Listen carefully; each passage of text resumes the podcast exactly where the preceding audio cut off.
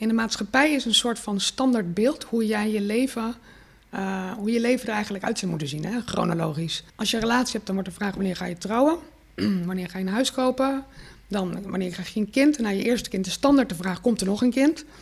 En toen eh, ben ik wat makkelijker als mensen die vraag stellen gaan zeggen van nee, het is nog niet gegeven. En dan zie je altijd die schrikreactie. Oh, sorry.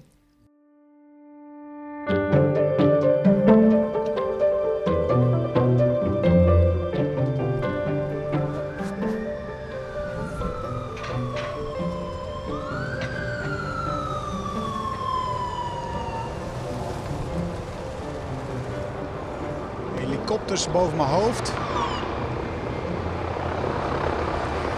politiemannen op de motor. En met de sirenes aan eh, voor mijn neus. En allemaal busjes, geblindeerde busjes. Uh, chique BMW's. Nummerplaten van over heel Europa. Er is iets aan de hand hier in Brussel. En niet alleen een staking van het OV. Waardoor ik nu al ruim een half uur te laat ben voor onze afspraak van vandaag. Ik zie wel Laurens al staan aan de overkant van het kruispunt. Maar ik mag niet oversteken van deze agent. Dit is De Binnenkamer. Goes Brussels. Harmer van der Veen en Laurens Boven gaan op visite bij politici van toen en nu. Een bezoekje in het hoofd en hart van bevlogen bestuurders.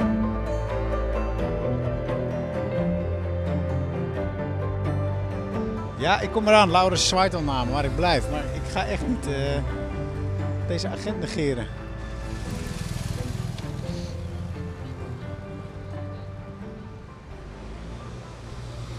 Ja? Nee, even die andere kant, want je staat daar nog wel vast hoor. Het duurt nog wel een tijdje.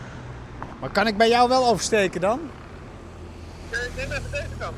Het andere, oh, het andere zebrapad. Oké. Okay. Laurens is hier de man die weet hoe het allemaal een beetje ruilt en zeilt. Dus ik luister naar hem. Ja, groen. Oké, hij heeft gelijk.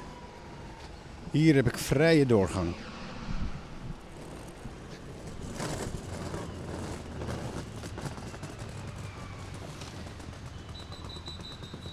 Nou. Laurens. Wat sta je hier mooi? Armin, goedemorgen. Wat een chaos hier in Brussel. Of is het normaal? De eh, Europese top. Je staat achter het gebouw van de Europese Raad. Je hebt een beetje een beginnersfout gemaakt. Je bent op Schumann uitgestapt. Ja, en dan zit je klem in de hekken. Zeg dat wel. Ik, ik, ik, zat gevangen. Ik kon nergens heen. Ja, eh. en, en, door deze straat waar Caroline Nachtegaal woont, waar we nu op bezoek gaan. Ja, hier komen alle 27 regeringsleiders langs. Dus uh, Jij, zat, jij, stond net voor het rode licht te wachten tot uh, monsieur le président langskwam. Met een helikopter. Oh ja? Ja, dat is Macron. Macron en Scholz die hebben ook een helikopter. De rest heeft alleen maar gewoon een normale motorescorte. Maar ja, nee, dat, dat is dan hier traditie. 27 motorescorters door de stad. En dan sta je soms te wachten. En komt Rutte dan op de fiets trouwens? Nee, nee, nee, nee. nee. Die heeft ook een motorescorte. Laten we snel, hij rijdt trouwens in een busje. We gaan snel naar binnen. Ja, we zijn te laat. We zijn veel te laat. Want wie gaan we ontmoeten? Caroline Nachtegaal van de VVD. Uh, eh, ja, zij is Europees parlementslid. Even kijken, Nachtegaal. Nachtegaal, hier. Sinds een uh, aantal jaar, sinds 2017 ongeveer. En zij is uh, chef transport voor de VVD. Komt uit Rotterdam. Klassiek liberaal lijkt me zo. Logistiek, transport, hallo? Tweede verdieping. Tweede verdieping. Een mooie poort open. Oh, mooi zeg. Prachtige vestibule. Mooi houten trappen, prachtige marmeren muren. Ik zag een viool hangen. Heel kunstzinnig aan de muur. Oh, er is wel een lift. Nou ja. Hallo. Hey. Nou, hier, eh, hier zijn we dan.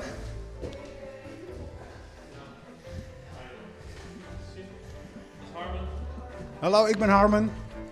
Dag Harmen, goedemorgen. Dankjewel. Koffer neer. En dan zijn we binnen. Band loopt? Uh, ja, min of meer. Even kijken. Koffie, ja. Stroopwafel, ja. Een bril. So we start? Ja. Koffie is ingeschonken. Uh, ik zei, we kregen drie stroopwafels. Eentje is al helemaal op, de andere nou, voor de helft. Nee, dit is... Nou, jij hebt voor de helft Ik heb een kwartje, een kwartje heb ik opgegeten. Oké, okay. Caroline heeft hem helemaal op. Ja, dus het gaat uh, ja, echt uit Rotterdam. Dus. Ro- ro- ro- Rotterdamse stroopwafels. Rotterdamse stroopgravels. Ik moet nog beginnen, maar dus wie weet hoor je me straks wat uh, kouder. Maar Laurens, aan jou de openingsvraag. Caroline, wat was je aan het doen toen wij eh, aanbelden? Uh, ik was eigenlijk uit het raam aan het kijken waar jullie bleven. en ik was het toch wel echt stiekem... Ik kan altijd wel een beetje genieten als hier de EU-top is. En dan al die motoren en die auto's en die helikopters. Weet je, Toys for the Girls, hè? Die hier dan voorbij komen. We horen ze nog steeds. Je hoort beetje, ze nog steeds, ja. De... Het zal tot tien uur wel een beetje zo blijven. Ja, ja. Ja, want jij houdt van logistiek, hè? Ja, dat, is wel mijn, uh, dat zit wel echt in mijn uh, hart. Maar vind je kijken naar een verkeersinfarct dan ook leuk? Nou, nee, leuk is misschien een beetje een groot woord. Maar ik kan er wel door getriggerd worden of zo. Het kan me, wel, het kan me soms ook wel weer verbazen. Als we dan die mega files in Nederland... Mm -hmm. dat ik me toch wel eens een beetje, soms wel eens een beetje kan verbazen. Ja, maar hoe, hoe kan dit ineens ontstaan? Ja. Maar goed, die 27 regeringsleiders, allemaal dus met motorescortes en uh, alle toeters en bellen en egaars. Hè? Ja. Het is wel de, nou, de, de, de meest zichtbare uiting van de Europese Unie op zo'n moment. Ja, en volgens mij was het er ook weinig, uh, waren het weinig uh, elektrische auto's. Nee. En, dus het is nee. allemaal nog lekker conventioneel en fossiel wat hier maar door Brussel rijdt. Vind je dat nou allemaal nodig? Dat die, dat bedoel, die EU-toppen, dat is, dat, eigenlijk is het niks bijzonders meer. Maar uh, de stad Brussel behandelt ze nog steeds als uh, staatsgasten. Ja, ik ben het niet helemaal met je eens dat het niet bijzonder is. Zeker als je kijkt wat er ook op de agenda staat en wat er besproken uh, is en wordt. Dus natuurlijk, en natuurlijk nu over de boycott van olie. En het is denk ik enerzijds, er, er gebeurt hier echt wel wat. Er komen 27 uh, wereldleiders, uh, regeringsleiders hier bijeen. Om over echt wel grote dingen te praten. Uh, en ik, maar dat is puur persoonlijk, ik, ik hou ook wel een beetje van die symboliek. Daar ben ik okay. ook wel heel eerlijk in. Ik kan er ook wel van genieten als ze hier zijn. En ik vind ook wel dat we daar. Ondanks dat de Europese Unie eigenlijk gewoon al zo normaal is, dat die regeringsleiders, ze kennen elkaar allemaal, ze appen, ze bellen, ze doen. En dan als ze hier zijn, komt Mark Rutte niet op zijn fietsje, maar heeft hij ook gewoon een, een, een ja, ik zou, het motorkolonne. wel, ik zou het wel mooi vinden als hij gewoon vanuit het hotel gewoon uh, met een of andere swapfiets gewoon uh, naar, die, uh, naar die raad rijdt. Dat zou, zou hem toch en zo dan de adviseren. escort is ook met de fiets? Dat zou ook nog wel, ja, dat lijkt me nog wel een mooie inderdaad om dat te doen. Maar, maar dat, wordt, dat wordt eigenlijk niet, dat wordt niet geapprecieerd als je dat doet als regeringsleider. Met de fiets? Ja, hier. Ik heb, nou, het lijkt mij, ze lopen wel, hè, want ze lopen nog wel eens vanuit de raad. Lopen ze naar Place Jourdan, dat zit hier achter. Daar zit Maison Antoine, de beste frieten hebben ze daar. Ja, en dan gaan ze daar een frietje eten. Nou, Mohamed, Mohamed Gaim uh, wilde met ons daar uh, afspreken. Oh ja, dat is echt, uh, ja, dan heb je wel de topfriet hoor. Ja, ja. Dat, was de vorige, dat was de vorige aflevering in deze Binnenkamer Goes Brussels. Ja. En uh, dat is ook de frietent van Angela Merkel, hè? Ja, Die ja. heeft daar ook wel eens frietjes Die heeft daar ook inderdaad een keer een frietje. En, en volgens mij heeft de Belgische premier heeft inderdaad ook wel eens wat mensen daarmee naartoe genomen. Ja. Dus, dus enerzijds heb je de symboliek waar jij wel van houdt. Ja. Met de mooie auto's en de helikopters. Want Ja. is dat ook dan... Kijken naar de macht, laat het dan ook maar zien? Brussels EU-trotsheid? Ja, of we nou echt kijken naar de macht is, weet ik niet. Maar het is denk ik wel, willen wij ook Brussel en wat hier gebeurt in de Europese Unie ook een stukje dichterbij brengen. Uh, dan vind ik het wel goed dat je, de, dat je ziet dat men hier samenkomt, dat er aandacht aan wordt besteed in, in, in, op het journaal, in de kranten. Dat is denk ik ook wel een stukje verantwoordelijkheid wat we met elkaar, en ik denk ook de media in dit, in dit verhaal, dat hebben, moeten we wel hebben. Om ook te laten zien wat hier gebeurt, wat hier wordt afgesproken. Ja, maar dat laten zien hoort dan ook met, met helikopters en, en, en Nou, en ik denk helaas, auto's. helaas zijn wij genoodzaakt om dat te doen. Dat de veiligheid van deze mensen dus geen vanzelfsprekendheid is. Ik denk dat ze allemaal het liefst, als je het zou vragen, zouden ze vanaf het hotel in het centrum of het hotel hier om de hoek gewoon lopen of in de metro stappen en heen rijden. Maar, het kan niet. Maar daar zit dus een paradox in. Want enerzijds zeg jij, ik wil eigenlijk dat de burger dichter bij de politici komt. Ja. En kijk eens naar Brussel, hier zijn ze allemaal. We doen echt ons best. En anderzijds mogen ze en durven ze niet meer lopend op de fiets. nee, En is dat wat we het meest waarderen? Want jij zegt ook, ja, soms lopen ze wel. De anekdote van Merkel en haar frietje Ja, waarderen we allemaal enorm. absoluut. Er zit Ja. een paradox in. Hoe kijk ja, eigenlijk, daar, ja, hoe dat, kijk is ook eigenlijk een paradox. Omdat het liefst zou je het, het zo normaal mogelijk zien. Dat iedereen gewoon lekker, hè, net zoals ik naar mijn werk straks in het parlement loop, gun je dat eigenlijk iedereen. Maar de realiteit is dat je op zo'n moment ook een heel kwetsbaar gremium bent. Want hier zitten alle regeringsleiders. Ehm, dus bedoel, we moeten niet te kwaad denken. Eh, maar de wereld is helaas niet meer zo eh, stabiel en zo vredig als we allemaal hadden gehoopt. Dus je bent een heel kwetsbaar gremium op dit moment hier. En dat vraagt helaas ook om veiligheidsmaatregelen zoals die worden genomen. Ik weet trouwens niet helemaal zeker of dat waar is dat Macron liever met de metro zou gaan. Hoor. Volgens mij kan die man het ook wel waarderen dat de straat wordt afgezet voor hem. Sarkozy, zeker ooit, toch? Ja, ja. Ja, hoe kleiner, hoe groter. Maar Nou, ik was bij de campagnebijeenkomst van Macron in, eh, in Parijs. Toen vlak voor de presidentsverkiezingen. En nou ja, een, een stadium helemaal vol natuurlijk met, met mensen. Er zat denk ik wel 40.000 man of zo in. Natuurlijk super on-Hollands. En ik zag inderdaad, dat waardeert hij. Dat klopt. dat is wel, mm. Ja, je was daarbij, ja, jij bent van de VVD. ja, En, en de VVD eh, bestaat hier eigenlijk niet in die zin. Hè? Eh, je bent deel van Renew. klopt. Renew ja. is de liberale fractie in het Europees Parlement. Ooit opgericht door eh, Macron, maar ook Mark Rutte speelt daar natuurlijk een belangrijke Ja. rol in als Nederlandse liberale premier. En ehm, afkomstig uit Rotterdam. Ja. Dus ik zat een beetje je profiel te lezen en, en het grappige is namelijk, want we kennen elkaar eigenlijk helemaal niet zo goed, Nee. of eigenlijk niet. We hebben elkaar voor- nu voor de tweede keer gezien. Ehm, maar eh dat is ook de Europarlementariërs zijn voor mij soms nog een, eh, een, een wereld te ontdekken. Ja, maar ik las, ik las jouw profiel en ik dacht van nou, als je nou een profiel uittekent van een VVD'er, dan kom je uit bij Oh, echt? Caroline Nachtegaal. Oh, en wat, wat typeert dat dan zo? Rotterdam, de, de transport als specialisme, gewerkt bij de haven Rotterdam, gewerkt bij de KPMG, gewerkt bij Schiphol. En, eh, en wat, eh, eh, zeg ik maar even, vrijwilligerswerk eh, in de Raad van Toezicht van het Philharmonische Orkest. Ja, En iets wat heet Theater Walhalla. ja. Ja, Rotterdamse kan bijna niet, hè? Nee, maar ook VVD, dat is allemaal Ja, VVD. ja. Dat is toch... eh, nou, Rotterdam Philharmonisch is, vind ik geen VVD. Dat is toch echt... Is dat zo? Ja, toch Ja, iedereen maar daarmee, daarmee zeggen jullie dus eigenlijk dat... Nou, hij, dat oh ja, ja zo, daarmee zegt Lauwens feitelijk dat een VVD'er... Hè, dus ehm, nou, dat zijn mensen die bij KPMG werken... of mensen die in de haven of op Schiphol hebben gewerkt. Mijn vader werkte bij KPMG. Was hij een VVD'er? Zeker niet. Nee, ja. Dus, dus ik, ik geloof heden ten dagen misschien voor... Ik vind het wel een beetje de verzuiling-achtig, hoor. Als je het zo wegzet. Dus dat je eigenlijk zegt, oké, het Philharmonisch Orkest... Oh, dat zijn mensen vanuit de culturele sector... Nou, die zullen wel geen VVD stemmen.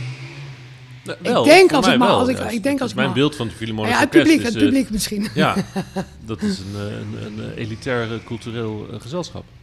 Ja, maar ik denk als je misschien in het orkest kijkt... de mensen die echt in de culturele sector werken... en Theater Walhalla noemde je, een fantastisch theatertje op Katendrecht. Ik kan je vertellen, de eigenaar is absoluut geen VVD'er. Aha. Ehm maar vind het wel heel fijn dat ik daar, nou, dat was met name een paar jaar geleden, daar ook een rol heb vervuld om dat theater, zeker ook in de politiek, echt wel een stem te geven. Dus ik, ik weet niet of ik zo in die. En, en Wat is nou een VVD'er? je zegt de eigenaar is absoluut geen VVD'er. Wa- Wat is hij dan wel of zij? Het is een echtpaar. Het zijn eh, Harry-Jan en eh, Rachel. En die, die zitten echt wel wat meer aan het linkerspectrum. Maar die kunnen wel heel goed met alle politieke kleuren omgaan. Wat vind je ervan dat, dat dus die schablonen worden geplakt? Dus klassiek liberaal, VVD, ehm, cultuur zou dan, eh, dat echtpaar zou dan Ja. in de linkse hoek. Ja, ik, ben, ik denk dat het steeds, ik hoop, laat ik zo zeggen, dat het steeds minder gaat worden. Dat, ehm, dat je minder die, dat onderscheid gaat maken tussen wat is nou echt een stereotype VVD'er. Ja, ik bedoel, dan krijg je toch een beetje het parelkettinggevoel en nou ja, dat ver en, en, en, de polo-dragende man. Hè. Ik bedoel, ja, ik droeg in mijn studententijd ook twee polo's met de kraag omhoog. Want ik, ik moet Laurens natuurlijk wel een beetje gelijk geven. Als het om beeld gaat, zou ik jou ook wel als een, als een, als een klassieke liberaal Ja. eh, omschrijven. Ik, misschien, en als je terugkijkt naar mij, hoe zou je mij, eh, of Laurens, wat zou jij dan... eh, laten we dat dan even, dat spel Ja, afmaken. ja, ja. Maar, dan ga ik, maar wat, het, wat het gek is, dan ga ik af op jullie uiterlijk. Mhm. Om daar, nou ja, je hebt een hipsterbaard, weet je wel, je hebt geen knotje. Maar dan zou, dan zou ik zeggen, nou ja, oké, dan ga ik jou wat meer in het linker spectrum zoeken, omdat je er zo eh, uitziet. De Met- havermelk. eh, Ja, weet je wel, dat, en dat zou ik denken, ja. De, de cappuccino havermelk persoon, weet je wel. Nou, ja. Je drinkt gewoon een, eh, een- we noemen dat een havenbakje, hè? gewoon zwarte koffie. Geen melk, geen suiker. Nou, nu doet hij dat, maar hij, Oh ja, eh, ik heb het niet gevraagd. hij, hij maakt ook opgeklopte melk hoor. Dat doet hij ook. Sorry, je zit nu te bikkelen op een hele straffe bak zwart. Succes. Daarom zijn mijn vragen ook zo scherp. Ja. Nee, dus dan zou ik dat wegzetten in die Ja. Hoek. En dan zou ik jou, omdat jij, omdat Laurens met een, met een, met een jasje aan zit en een over en maar geen das, zou ik jou wat meer richting de christendemocratische liberale kant. Ja, weet We hadden je. vanochtend een discussie. Ik, ik, ik slaap bij Laurens. Eh, als ik hier ben, dan logeer Ja, ja. ik in zijn eh mancave. En hij wilde een hoodie aandoen. En ik dacht, nee, want hij heeft altijd een jasje aan. Je dacht negen naar een VVD, dat kan Ja, niet. toen dacht ik, kom op. We hebben echt even een discussie over gehad. eh, Want ik heb al zo'n was de moeder ding. ook nog kapot. Ja, nee, dat kan toen hing er een draad je aan. niet, Ja. eh, En, ik, en we gaan naar een VVD'er. Kom op man, een beetje netjes. Kijk, ik, kijk, ik Oh, word, ja. bij mij kan je het, eh, dat is, maar hij moet. Dus hij heeft echt een jasje aan gedaan.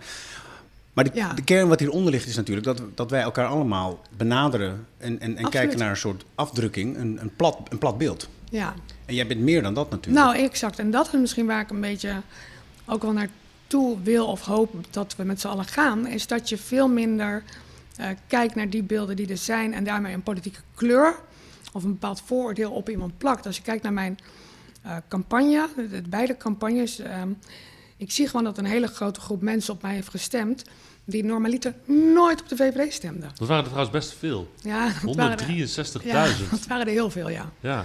Dat was echt wel vrij uniek zoveel. Je was nummer drie op de lijst? Ja, klopt. Eerste ja. vrouw op de Ja, lijst? wel eerste vrouw. Ja, oké. dan, dan, dat, Dus dat heeft misschien nog, hè, dat, dat helpt Ja. ook een beetje. Maar Maar je weet wie die mensen zijn?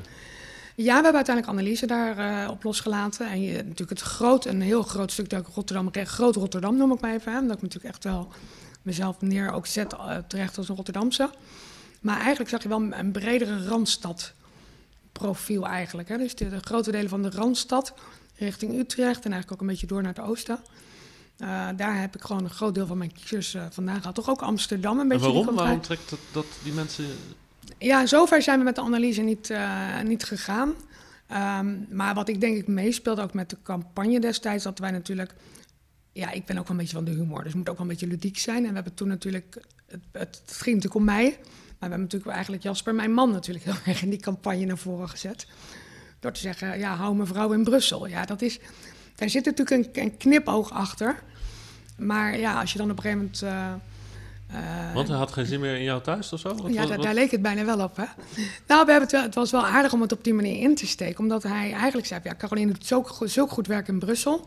Dus ik zat er toen net anderhalf jaar. Ik had Cora van Nieuwhuizen opgevolgd in 2017, dus ik zat er anderhalf jaar. Maar ik ging wel door voor de zeg maar, nieuwe termijn. En hij had een beetje ja, ze doet zulk goed werk in Brussel, ze moet daar blijven. Even hè, alle, alle nadelen dat wij eh, toen nog een soort van gescheiden leven hadden, Rotterdam-Brussel. Dus vandaar, hou mevrouw in Brussel. Een beetje eh, variant op laat Lubbers zijn karwei afmaken, was ooit een briljante slogan. Ja, was, dit, waar, was ja. dit jullie variant? Ja, Ah. daar heb ik helemaal niet bij stilgestaan toen, maar ja. Hou mijn vrouw in Brussel. Ja, het was, en dat werkte wel. En Dat vind ik heel grappig. Ja, en jullie, maar daar koketteren jullie dus ook mee. Het, is een soort, het was een soort beeldspel. ja, ook. het was, ja, en het was ook echt, kijk, en op een gegeven moment, hij moest eh, in 538 eh, uiteindelijk daarover vertellen, want ja, dat vonden die gasten natuurlijk geinig. Radio zo. 538, ja. Ja, zo'n man eh, die, het, het beeld was de man die zit, de vrouw gaat het huis uit en hij kan lekker in de mancave hangen met bier en... ja. Of de wasvouwen, toch? Ja, precies.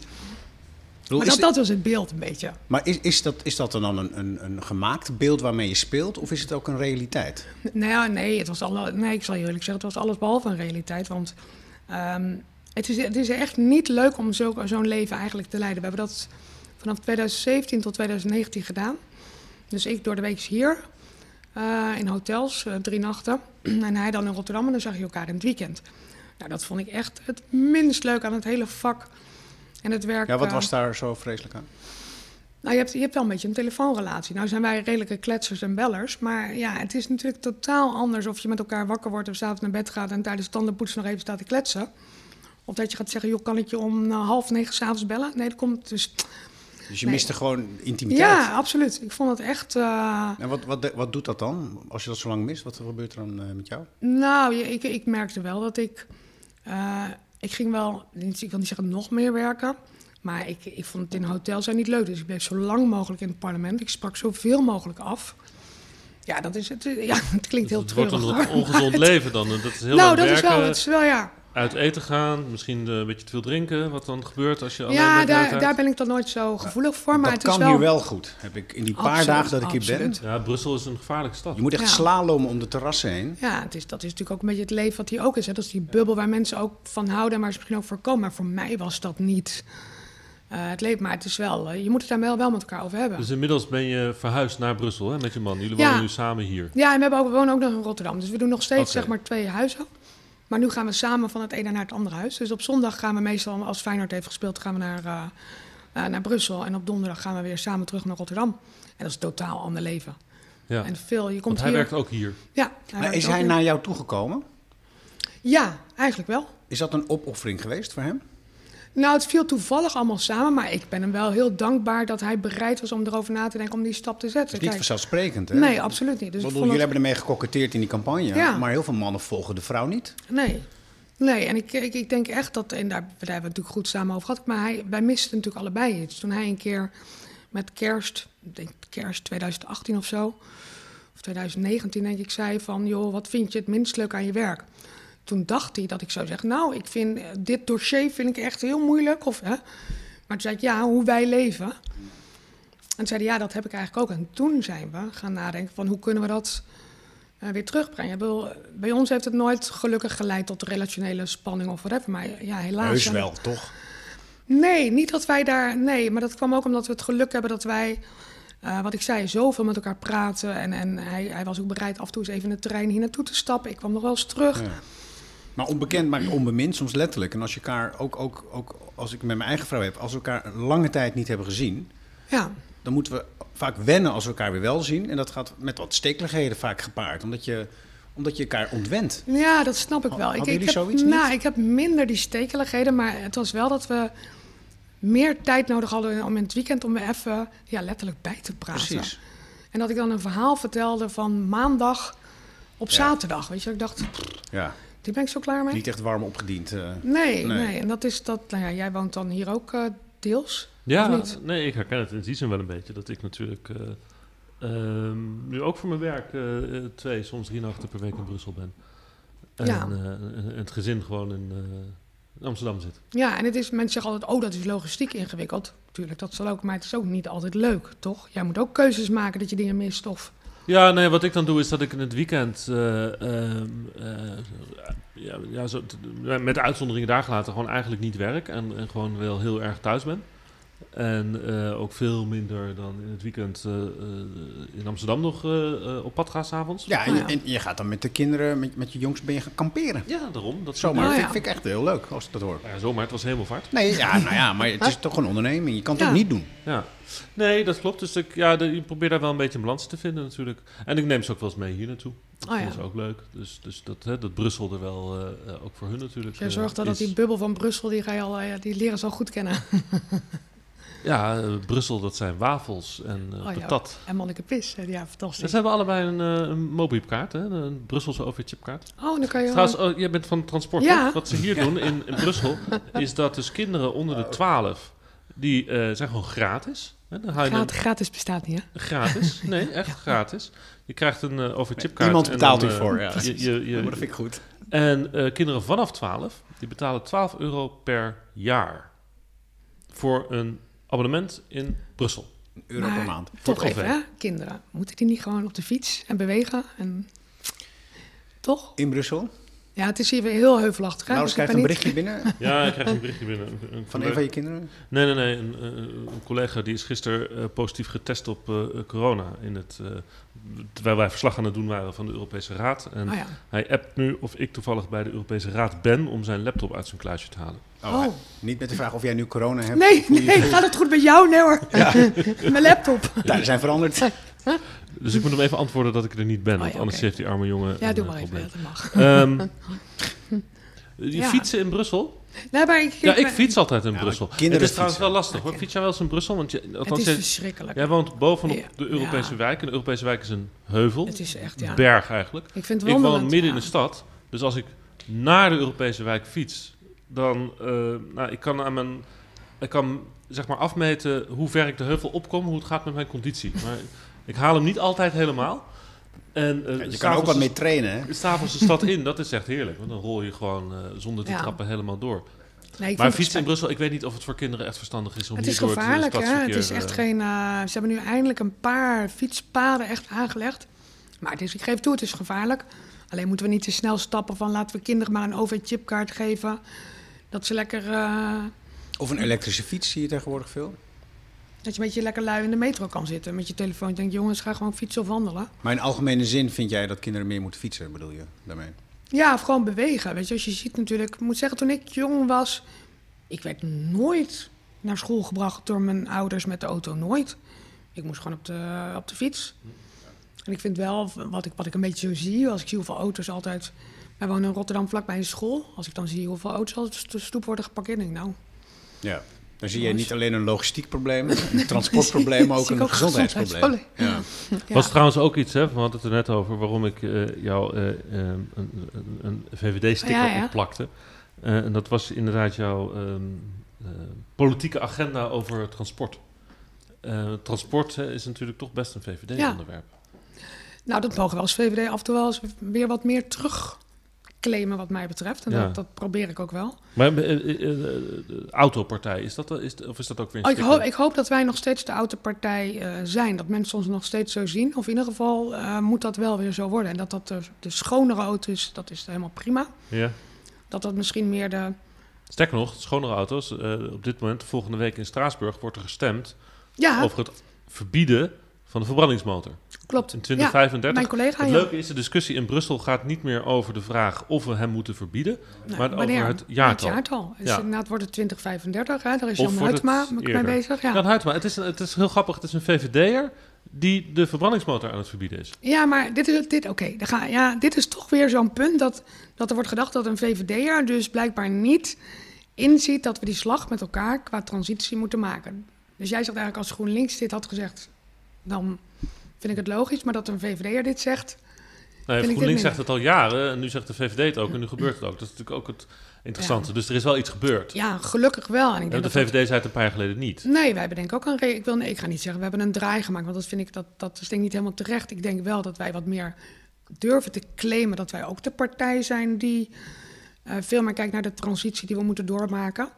Ehm, dus dat, hè, dat, dat, is, dat is denk ik één, wat je, wat je heel nadrukkelijk ziet.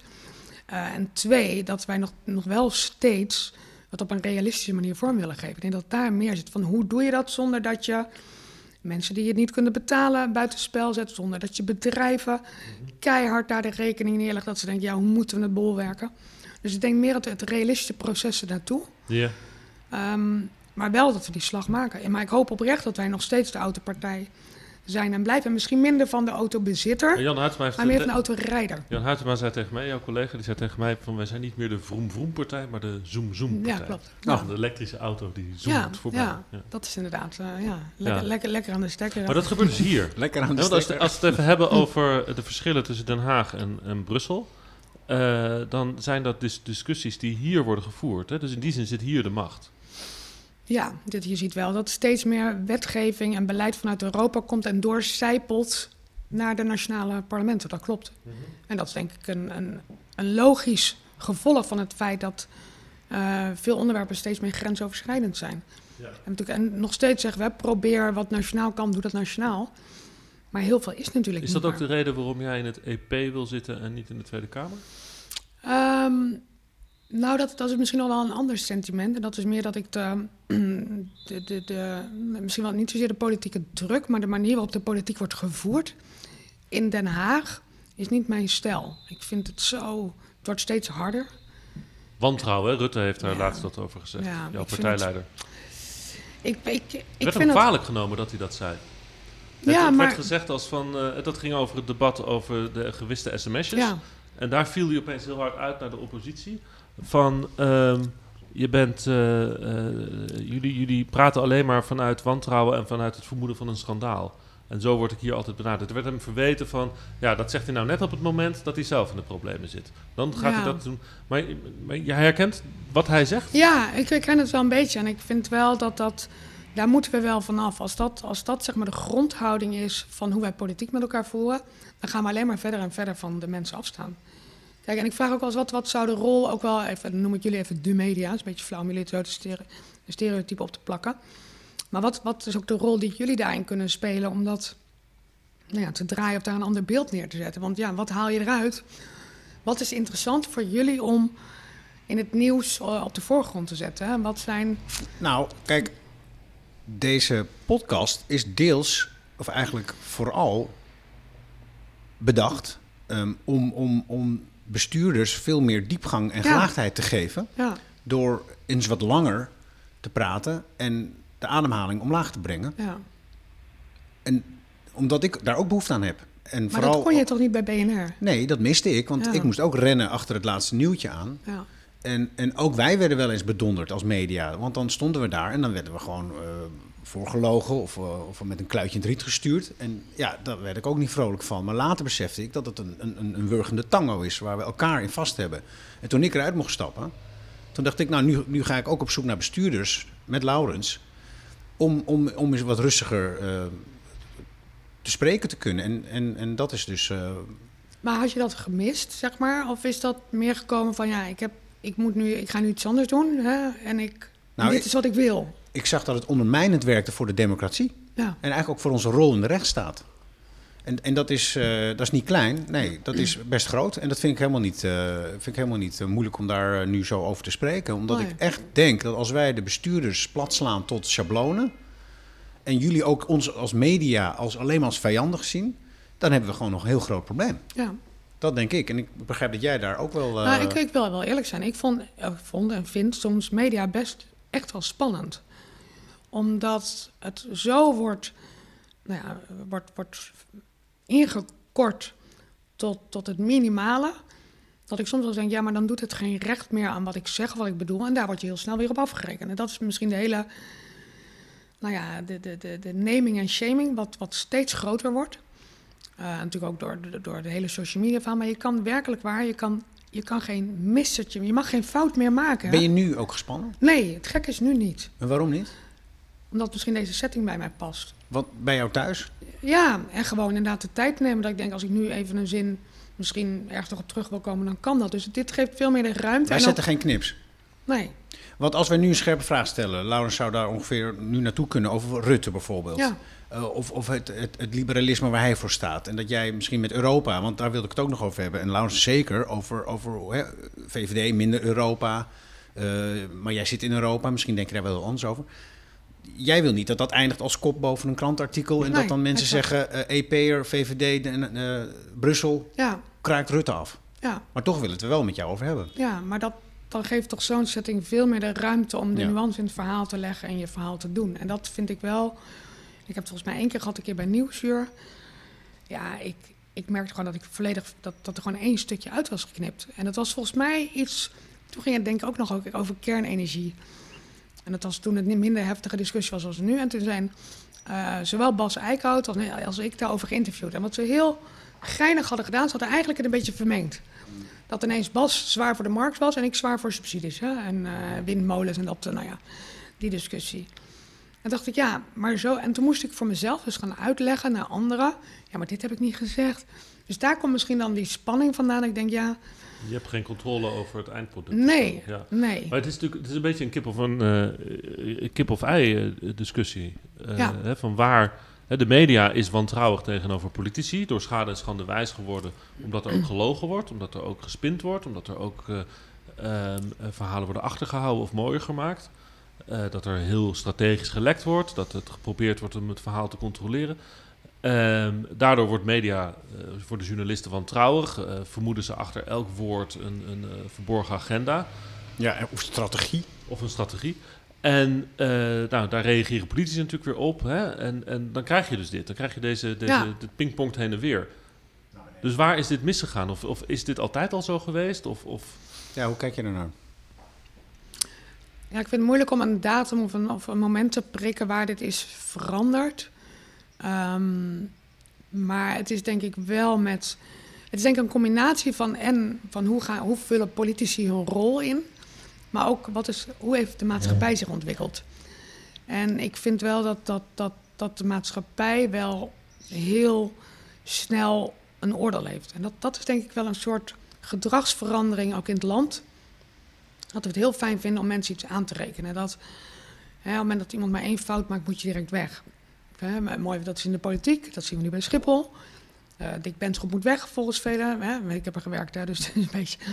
Maar dan denk ik, het, je moet toch de tijd soms ook hebben. Iemand mag toch ook zijn fout herstellen. Iemand mag toch ook beleid aanpassen. Eh, Dat geldt in een, voor een politicus ook. En ik vind dat in Nederland heb ik het gevoel dat er zwaarder de druk op ligt dan bijvoorbeeld hier in Brussel. Dan kan je het iets meer op een rustigere manier misschien doen. Maar ik vind dat wel in Nederland een verandering. Daar kwamen we inderdaad op dit hele verhaal vanwege de vraag van waarom ben je liever hier dan in de Tweede Ja. Kamer. Maar jij, jij, Ja. jij ziet dus zeg maar de Tweede Kamer als een soort snelkookpan van. Ja, zo heigerig allemaal. Het is, En wat is dat dan hier?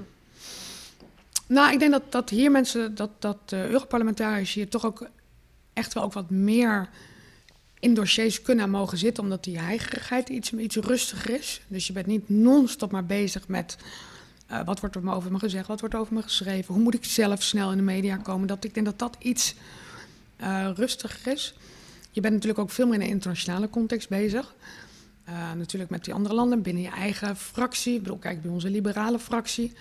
Dus je, hebt, je bent op een ander, met een ander politiek spel misschien wel bezig dan in, in, Ja. in het Haagse. Ik Wat- kan het moeilijk vergelijken, want ik heb er nooit echt gewerkt. Ja, maar wat dat ik is hier meer ook- mijn... Ja, wat ik hier ook wel eens hoor in dit parlement is dat, dat, dat dit een, een werkparlement is waar eh, je je status verdient, bijvoorbeeld door rapporteur te zijn. Hè? En dat betekent dus dat je een wetsproces begeleidt. Dan komt er een commissievoorstel van de Europese Commissie voor een wet. En in het parlement gaat er een rapporteur namens het parlement aan de slag met die wet. Om een meerderheid te vinden en uiteindelijk de onderhandelingen met de lidstaten over die wet te doen. Nou, om die, de- de- zeg maar zo'n rapporteurschap, dat moet je een keer gehad hebben. Ja. Dan, dan doe je ertoe. Dat is zeg maar, dan kom je hoger op de apenrots. Maar om die dingen te krijgen, moet je dus inhoudelijk en diplomatiek heel goed zijn. Want je moet, je moet 700 parlementariërs, nou je moet dat allemaal, dat is een enorm complexe ook, eh, aangelegenheid. ook intellectueler hier. Het is, het is, het is, het is uitdagender. Voor Ja, dus je moet nogal eh, Kom. van goede huizen komen. eh, wil je hier hoog komen? Het is een ander soort competitie eigenlijk. Ja. En die, Ja. die bevalt jou beter. ja, ik vind het wel een mooie, mooie omschrijving eigenlijk. En, en misschien zo, had ik, zo in die mate had ik er nog niet eens naar gekeken, maar wel in de zin dat je, dat je hier meer mensen hebt die zich echt vastbijten in een dossier. En daar komt ook nog eens bij dat, ehm, wat je natuurlijk ziet, en dan is even de vergelijking met de VVD, daar heb je eh, natuurlijk eh, 34 Tweede Kamerleden. Wij zitten hier met vijf, dus dat betekent dat je veel meer dossiers hebt. Dus ik doe en die transportdossier, maar ik heb ook nog eens de economisch-financiële eh, commissie. Dus je hebt ook veel meer dossiers. Dus er wordt ook van je verwacht dat je... Ik zit niet in een niche te klooien. Ik zit natuurlijk echt op grotere... Ja, een van de dingen die je doet bijvoorbeeld eh, is dat je, je eh, bezig bent met wetgeving over de laadpaalinfrastructuur. Hè, Dat we dus in heel Europa, als we straks allemaal die elektrische auto's hebben, ook gegarandeerd voldoende kunnen laden. Ja, dat is natuurlijk... En dat is een heerlijk onderwerp, want het is ook echt iets wat, wat de consument raakt. Hè, dat je, er gaan steeds meer mensen elektrisch rijden. Nou ja, natuurlijk, je moet je auto aanschaffen, et cetera. Maar ook natuurlijk de zorg bij mensen. Ik heb mezelf ook, kom ik wel eh, op tijd met, eh, in Zuid-Frankrijk aan met Ja. eh, nog genoeg eh, accu. En En waar zo kan ik Zuid-Frankrijk misschien nog wel lukken, maar kom, kan ik er ook mee op de Balkan? Ja, het is, ja nee, dat, dat is is gewoon in dat is gewoon in Europa nog heel slecht geregeld. Maar Wel, dit is Europa op een top. dit is, dit- maar dit zijn heerlijke topics om te doen. Maar dit is waar ik als burger ook heel gelukkig van word. Ik had het Ja. toen met eh, dat ik mijn telefoon het opeens overal deed en mijn Ja. navigatie. Dat was toen ook eh, commissaris eh, van de VVD. Haar naam ben ik even ontschoten. Kroes, Dank u wel. Toen dacht ik, dit is Europa. ja, Vond ik echt heel mooi. ja. En, en met die laadpaal natuurlijk ook. Want ik zou heus wel zo'n auto willen aanschaffen met allemaal regelingen. Ik kan hem niet kopen.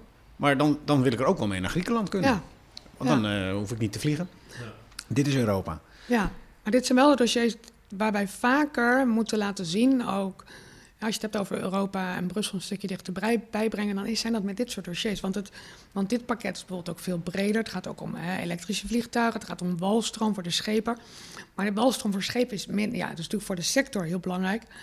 maar is minder tastbaar voor, voor, voor de Europese hè, of voor de Nederlander. En jij vindt het heerlijk om je vast te bijten in zo'n dossier. Ja, je vindt het ja. heerlijk om resultaten te bereiken. Ja. En je mist niet de aandacht en de heiligheid van Nee. Den Haag of Nederland eigenlijk. Nee, want ik nee, nee. En ik bedoel, het is wel fijn dat je natuurlijk ook gewoon weet dat je, dat je, dat je lijntjes met de Tweede Kamer kort zijn. Hè? Ik bedoel, ik heb natuurlijk ook het voordeel dat de minister van eh, INW, Mark Harbers natuurlijk, hè, eh, een VVD'er is, ook nog eens uit Rotterdam komt. Dus weet je, die lijntjes zijn natuurlijk, dat is natuurlijk fantastisch. Maar het moet jij toch ook wel eens frustreren dat, dat jij er nooit in een talkshow zit om over jouw werk in Brussel te praten? Ja, ik vond het wel. Ik, nou, ik heb het toen één keer gezegd inderdaad bij, bij BNR, bij de, bij de Friday Move. Dat ik zei, wat ben ik blij dat we eindelijk eens een keer hier het verhaal kunnen vertellen over wat Europa doet. En, en die Maar laadpalen... B- dat is dan BNR. Dat is, ik bedoel, we hebben er allebei gewerkt, Ja. maar het is toch een relatief kleine zender. dat klopt, ja. Eh, Dus je zit bij- in de luwte, maar ook verstopt. Ja, eigenlijk wel. En, ik vind, en het is natuurlijk ook wel zo dat het vaak op de actualiteit zit. En transport is natuurlijk een minder groot topic dan bijvoorbeeld nu de Oekraïne Ik of hoor, zo. ik hoor weer een paradox eigenlijk. Want je zit dus in de luwte en verstopt. Maar een politicus moet ook aandacht hebben om effectief te zijn. Ja, Dus, dus eigenlijk die aandacht die je mist, gaat misschien ook wel een beetje ten koste van Ja. je herkenbaarheid, effectiviteit. absoluut. en Nou, misschien zelfs wel een beetje voldoening. Nou, het zit, het zit misschien eens zozeer in het feit dat ik denk dat ik vind dat, dat ik veel zichtbaarder of herkenbaarder moet zijn. Maar waar het mij om gaat, is dat mensen nog heel vaak hebben, ja, Europa geen idee. Geen idee wat daar in Brussel gebeurt. En dat vind ik het zorgelijke. Dus het gaat mij erom dat die Nederlandse Europarlementariërs, dat die gewoon veel meer in het vizier komen en op onderwerpen inderdaad het woord krijgen. Ik bedoel, als je aan mensen buiten vraagt, noem eens een paar Europarlementariërs. Ja, ik ben bang dat ze nog altijd met Hans van Balen komen. Compliment voor Hans.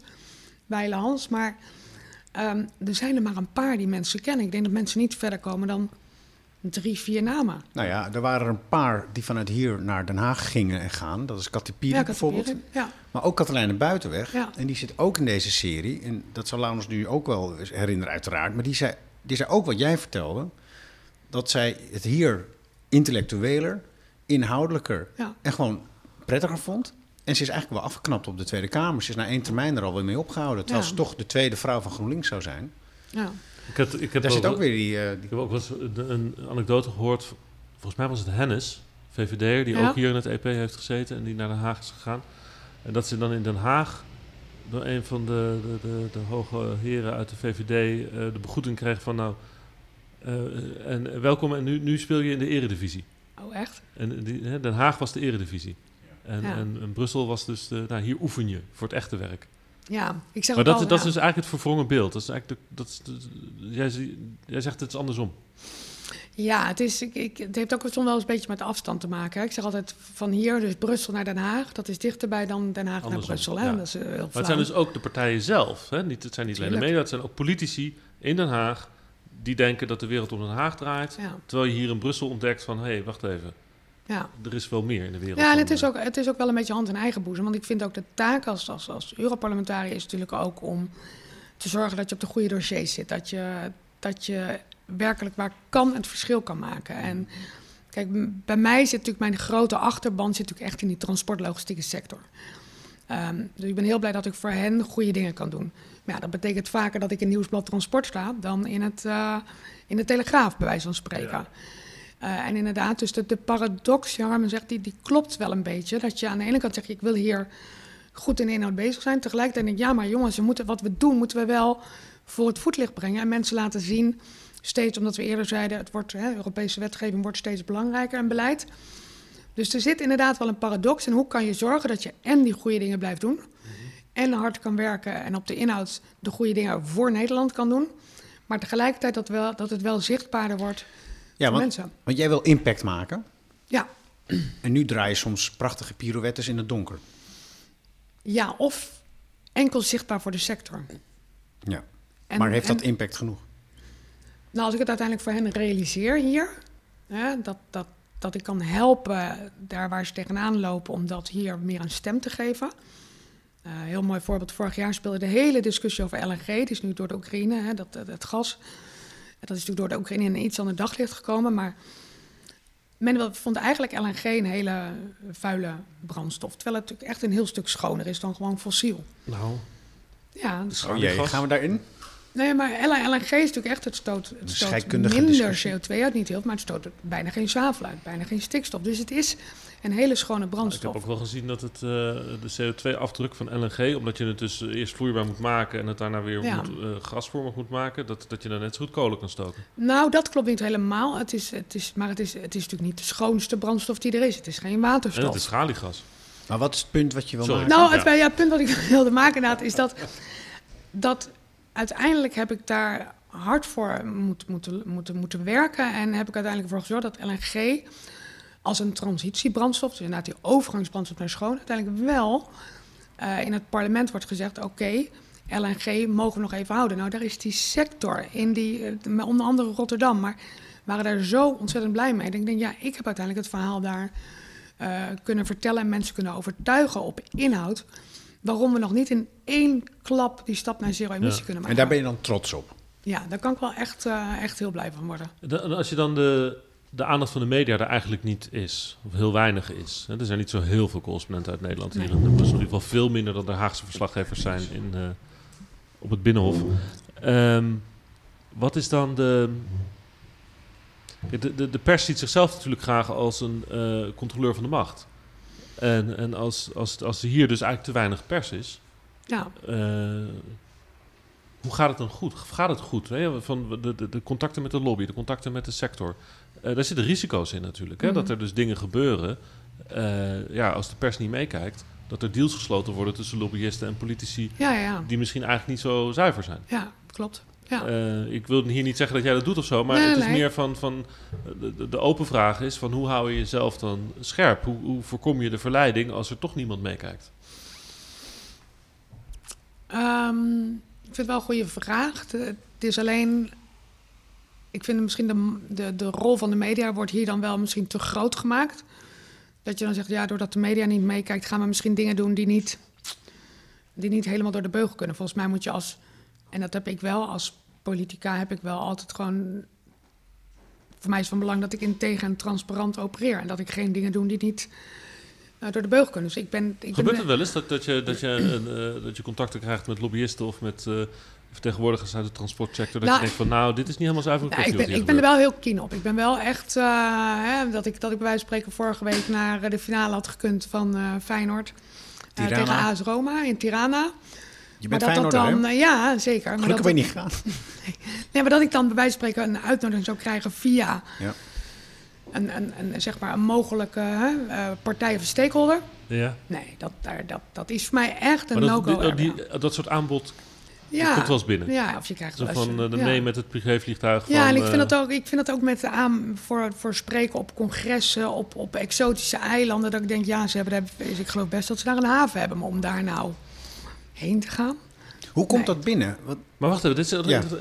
interessant. Want- Ja, maar ja, maar dat je, je vertelt het nu, je zegt van oké, ik, ik hou daar afstand van. Ik heb daar mijn eigen eh, kader van wat wel en niet. Is het functioneel? En, of, Ja, ehm, maar ik kan er vergif op innemen dat er, dat er collega's van jou in het Oh. parlement rondlopen die dat moeiteloos ja zeggen. absoluut. En zich ja. laten verteren tot en met. ja, maar dat, dat heeft denk ik ook te maken met, met je cultuur. Waar kom je vandaan? Wat is normaal in landen? Wij zijn natuurlijk in Nederland gelukkig ook wel een, een redelijk conservatief, misschien ook een beetje Calvinistisch ingesteld land. maar welke Eh, cultuur zou dat zijn dan? Nou, misschien altijd wel de, de, de, de cultuur wat meer Zuid-Europa is natuurlijk wel wat meer outspoken. Nou, in Limburg zat Van Rij. Sorry dat ik nu op het begin... want ik, ik, hoor zoveel analogieën hoor ik nu. Dat was een VVD'er, dat is dan Limburg. Die deed het allemaal wel. En die zegt nog steeds, ik ben veroordeeld voor vriendschap. Van Rij, Ja. hè, de wethouder die ooit veroordeeld is, nu weer wethouder wordt. Ja. Dat was een VVD'er, dat heeft jullie waarschijnlijk geen goed gedaan. Maar die dacht daar heel anders over. Ja, maar dat is dan zijn, eh, zijn oordeel. Dat is niet mijn kader, dat is niet mijn referentiekader. Dat is absoluut niet van eh, de VVD. Hoewel ik denk dat hij niet voor niets eh uit, eh, eruit oh, is ja. ja. Nee, maar jij zou natuurlijk ook eh, weg zijn als het uitkomt dat jij je in een privévliegtuig naar Tirana hebt laten vliegen voor, een, voor een voetbalwedstrijd. En god, dat zou ook moeten. Weet je Maar je moet, is- dus, je moet dus daar weerstand aan bieden, want het is er. Die druk, die, die zijn. Dit, dat komt vanzelf als je een Ja, parlementariër wordt hier in ja Brussel. en bij mij is het denk ik heel minimaal. Hè. Ik, ik heb het niet heel vaak, maar ik, ik zoek het ook niet op. Er wordt er even koffie gezet. Ja, lekker. Ik zoek het ook niet op. Dus dat is denk ik ook wel een, een, een, een, een reden. Ehm, maar je moet kijken, volgens mij, en dat geldt in elke baan, of het nou jullie baan is of mijn baan, je moet s- ochtends in de spiegel kunnen kijken, of s'avonds na een dag. En dat je zegt van, ik heb, ik, heb geen gekke, ik heb geen gekke dingen gedaan. Ik heb het goed gedaan. eh, Want hoe kijk jij in de spiegel? Als jij naar jezelf kijkt in de spiegel, overdrachtelijke zin, Ja. zie jij dan jezelf of zie jij iemand die je ook acteert? Nee, ik ben wel vrij eh, mezelf. En dat, het grappige is dat, dat... Zo was ik als klein meisje al. Mijn moeder zei altijd al van... je bent een heel constant persoon. Of ik nou met vriendinnetjes was... of op een familiefeest of thuis. Ik was een heel... En dat, ik ben, er zijn geen twee Carolines. En dat is misschien ook mijn... Ook niet altijd even goed, om heel eerlijk te zijn. Want daarmee vind ik, ben ik politiek. Ehm, ik kan, niet, ik kan dat, dat spel misschien ook niet altijd even goed spelen. Oké. Ik jok niet. Ik hou, ik hou de kaart ook niet heel lang tegen de borst. Misschien ook niet heel goed. Dus wat je ziet, Ja, dat is het wel hoor. Dit, Is dit, dit, is het wel, zeg maar. maar daarmee ben je ook kwetsbaarder. Ja, want dat- absoluut. want, want, want mensen die iets spelen, of dat is ook een panzer, Ja, waardoor ze ook bepaalde aanvallen of, of kunnen houden, houden ze op die manier buiten de deur. Ja, Maar komt het bij jou dan ook ongefilterd binnen allemaal? Kritiek, eh, ja ik... ehm, negatieve reacties? Ja, dat ik, ja ik, ik, kan dat, ik kan me wel echt aantrekken, zeg maar. Als ik, hè, soms wil je onder je Twitter niet eh, altijd alles lezen. En nogmaals, dan is het hier in veel mindere mate dan in Den Haag. Maar ik ben er wel... eh, ik, ja, ik, ik reageer er ook vaak op, weet je wel. Het is ook wel, ik ben wel altijd geneigd ehm, om te zeggen het waarom. Of het uit te leggen. Maar ik denk dat dat wel, ehm, ja... Een soort ongefilterd. Ja, ik ben, ik ben, ja, het is wel heel ongeveer, vind ik wel een mooie uitdrukking van je. Het is, wel, het is mij vrij ongefilterd wel, dat is het wel, ja. Maar dat werkt, dat is wel, daarmee ehm, heb ik ook nooit echt het gevoel dat ik, dat ik dingen inderdaad achterhoud. Dat ik gewoon vrij eerlijk ben. Maar dat is in onderhandelingen niet altijd handig. ik, Nee. ik leg het vrij vlot op tafel. Maar ook, ook dan, dus, ook, dus het, het politiek is dan ook persoonlijk. ja, Als dat samenvalt, valt, valt, valt ook je, je leven, je persoonlijkheid en wie je bent samen Ja. met je werk. ja, ja, en dan heb je ook wel soms, eh, ja, of je hebt standpunten waar je echt wel stevig achter. En dan moet je soms ook wel zeggen, jongens, ik heb het niet gered.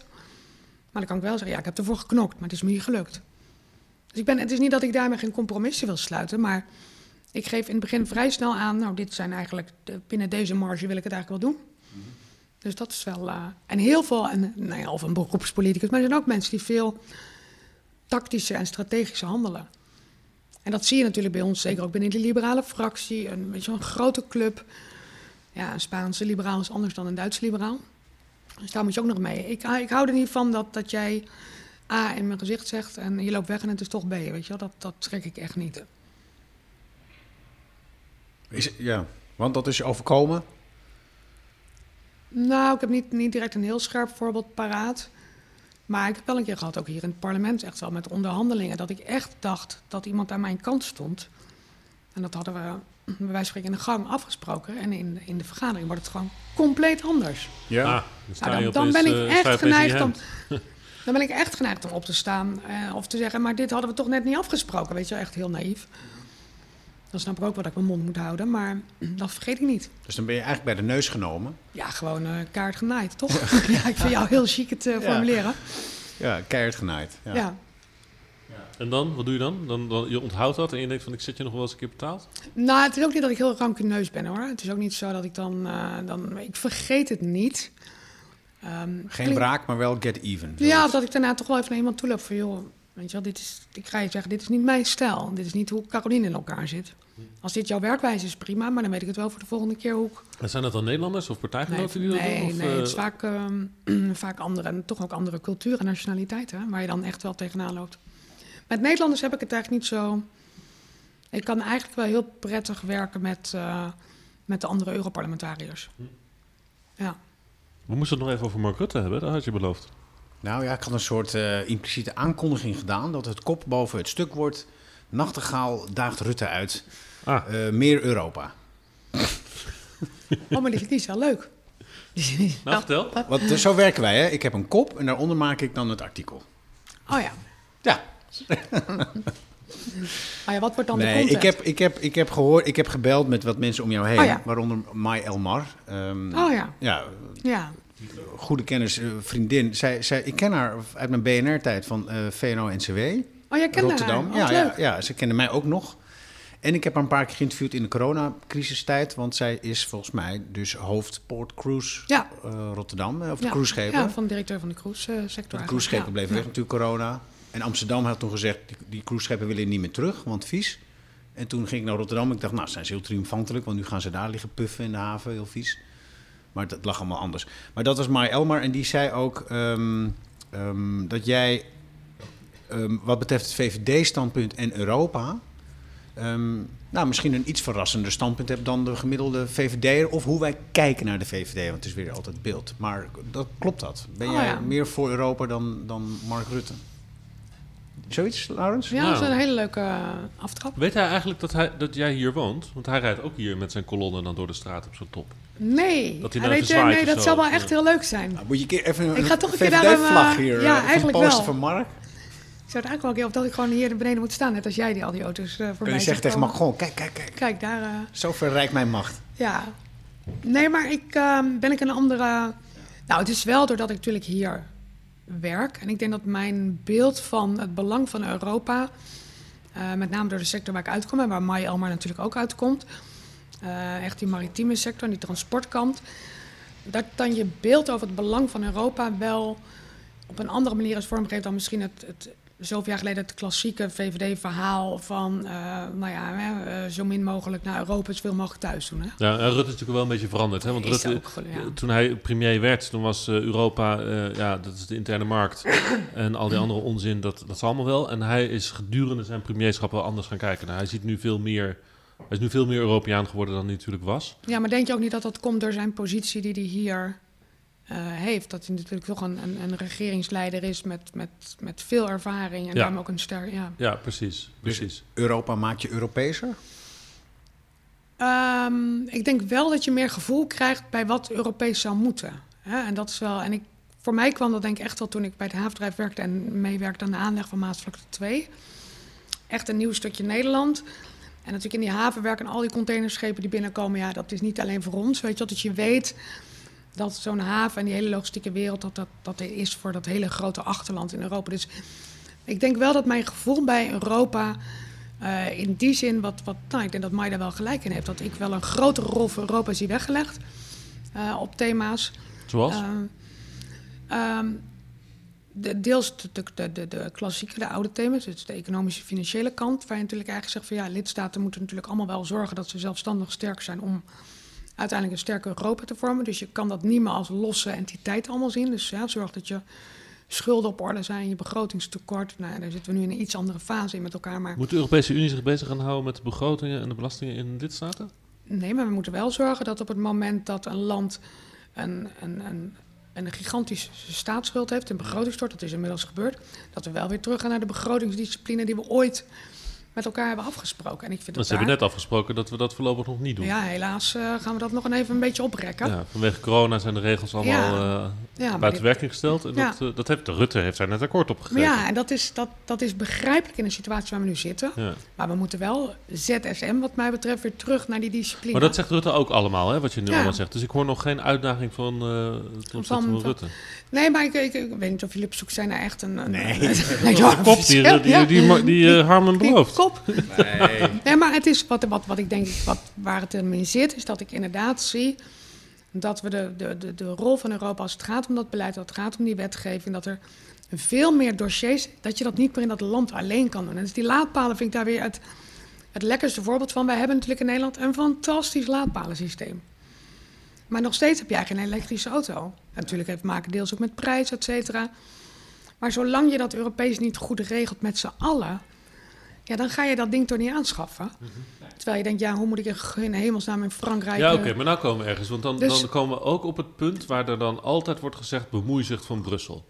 He, want dit gaat nu over laadpalen. Ja. Maar uh, dat vinden we dan goed. Maar zodra Brussel iets zegt over hoe krom een komkommer mag zijn... Wat in principe, dus een, dat gaat om hetzelfde principe, namelijk harmonisatie van regelgeving en, en productstandaarden. Dan is het opeens Brusselse bemoeizucht. Ja, ik denk dat je het per onderwerp moet zien. Door, door corona hebben we ook ineens gezegd, gezegd dat gezondheidszorg op onderdelen veel meer een, een Europees thema is. Opeens hebben we ook gezegd dat de hele toeristische sector veel Europeeser uh, is doordat ze zijn geraakt in de pandemie. Dus je ziet door de crisis die we hebben in, in Europa of in de wereld, dat daarmee de positie van Europa. Wij zijn natuurlijk een machtiger, is misschien een, een, een verkeerd woord, maar wij zijn wel een steeds machtiger of een sterker handelscontinent geworden. maar dat heeft ook te maken met alle ontwikkelingen in de wereld. We, we kunnen niet meer zo vanzelfsprekend vertrouwen op, op Amerika. Uh, we zien een ongelooflijk um, uh, resoluut Turkije. We hebben te maken met een dominant China over ja. een, een, een, nou ja, een, een Verenigd Koninkrijk wat zo wankel is als maar zijn kan. Um, over Rusland maar te zwijgen. Dus je ziet dat de we eigenlijk... Europese soevereiniteit heet dat dan, hè, tegenwoordig? Ja, dus je ziet dat we veel sterker zien dat we, dat we elkaar nodig hebben. Dat we ook met bepaalde systemen hebben en uh, jurisdicties... en misschien wel in zekere zin een culturele, economische uh, heterogeniteit ook misschien wel... Waar we, waar we elkaar veel mee weten te vinden. En dat vind ik alleen maar positief. En goddank gaan daar negen van de tien uh, landen ook wel in mee. Je kijkt er heel zorgelijk bij. Nee, ik luister. Oké. Dat, dat hoor ik vaker dat ik dan... eh, Ja, nee, maar ik denk, dat is ja. mijn luisterende blik. Maar, maar, maar zijn, ben jij, jullie, ben, zijn jullie het daarmee eens? Of, of is dat mijn... Dat ik die ontwikkeling in de afgelopen 10, 20 jaar wel zie? Ja. Dat, Nou. we, dat, dat we dat sterkere blok kunnen neerzetten. Kijk, iets samen doen is beter dan alleen. Ja. En als, het, als een probleem ons bereikt wat ons allemaal eh, eh, last bezorgt, is het volgens mij heel praktisch om dat ook gezamenlijk eh, aan te pakken. ja. Ja, ja, ik- ben al vanaf dat ik heel klein ben een eh, Europeaan. Ik begin politicologie studeren en toen pas begreep ik eigenlijk wat de nazistaat inhield. En Oh, dat, ja. dat, dat dat een krankzinnig eh, concept is ja. eigenlijk. Dat het ophoudt bij de grens. Ik kom dan niet uit een grensgebied, maar... ehm, dus, dus nee, Maar zit het ook niet een beetje in, in, in ja, on- onze generatie? Want we verschillen wel denk ik een beetje van leeftijd. Maar dat, Ja, jij bent notabene een stuk jonger dan wij zijn. Dat is vast- nou, dat zo heel veel valt wel nee, nee, meevallen. nee. Ik ben begin Jij bent 40. morgen jarig. Dat klopt. ja. Ja. Wat attent. Vorig jaar was je het vergeten. Nu heb je het onthouden. Heel goed. 42. Mag ik dat gewoon even Ja, ja, zeggen? ja. Het staat Oh, ja, toch op ben- Wikipedia. Ja, dus dat het- vind ik altijd zo eh, gek dat ze dan zeggen bij vrouwen mag je hun leeftijd niet vragen. Ja, waarom niet? Ja. Oh, nou, ik word Ik volgende vind week dinsdag word ik 48. Serieus? Ja, vind ik Ja. ja. Ben je ook jarig? Ja. Oh. Nou, dat heb ik nu alvast verklapt. Oh ja. 7 juni. Ja, Niet en ik vergeten. ben, eh, en ik ben tegenwoordig 45. Dus dat, eh, in Ja. die zin zijn we eigenlijk wel al even oud. Oh ja, dus we zitten allemaal een beetje in die veertigers. En hoe kwamen we weer op? Ja. Onze generatie. De Europese Oh Unie. ja, nee, onze generatie inderdaad dat wij, eh, dat wij al op een andere manier naar Europa kijken. Maar volgens mij, zeg maar, kinderen van nu is het natuurlijk al helemaal. Die hebben toch geen idee van een wereld zonder euro of, of bij de grens moeten stoppen. bij een taal- Nee, mijn, eh, mijn, oudste, die is 16, mijn oudste zoon. En die is, de, de, eh, ja, die ziet eigenlijk, die kijkt naar de Europese Unie en die, ziet- die, die ziet een continent wat zeg maar vanuit Brussel gerund wordt. En, en de lidstaten, dat zijn, dat zijn de, de, de dependances van het hoofdbestuur, wat in Brussel zit.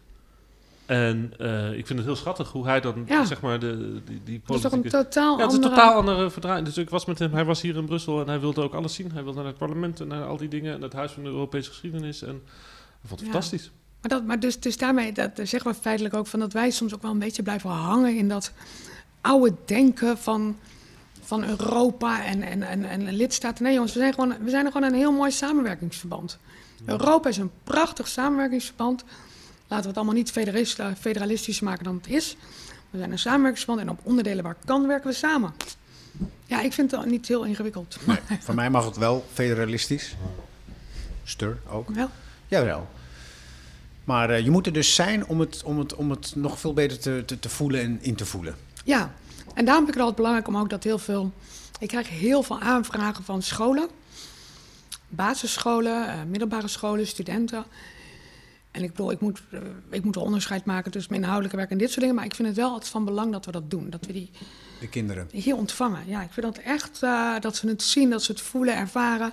En ik vraag ook altijd, wie wil er later hier werken of wie wil er in de politiek? Nou, de vraag wie wil er in de politiek, dan gaan niet heel veel vingers de lucht in. Maar wie wil in Brussel werken of wie wil überhaupt later in het buitenland werken? Ja. Nou ja, er gaan echt zoveel vingers de En lucht niet in. alleen bij de VWO's, ook bij de, de, de, de andere klassen.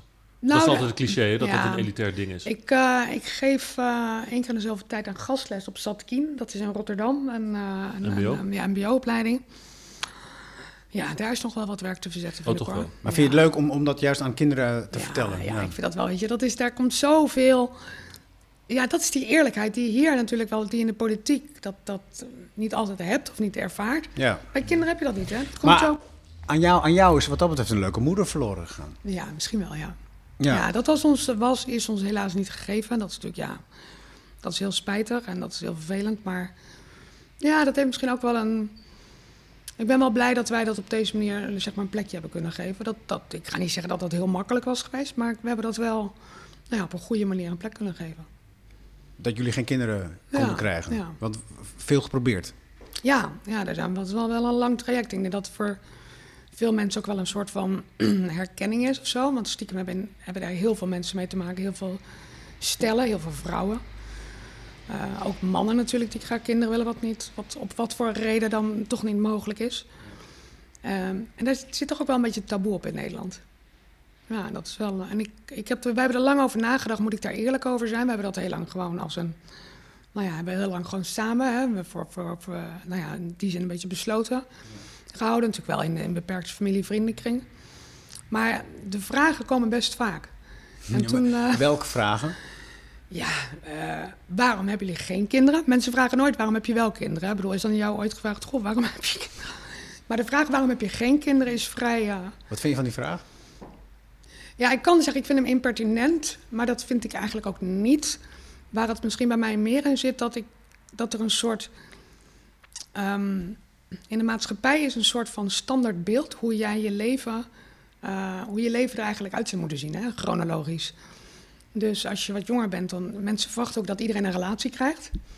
Terwijl ik denk, ja, er zijn ook oprecht happy singles in, in, de wereld.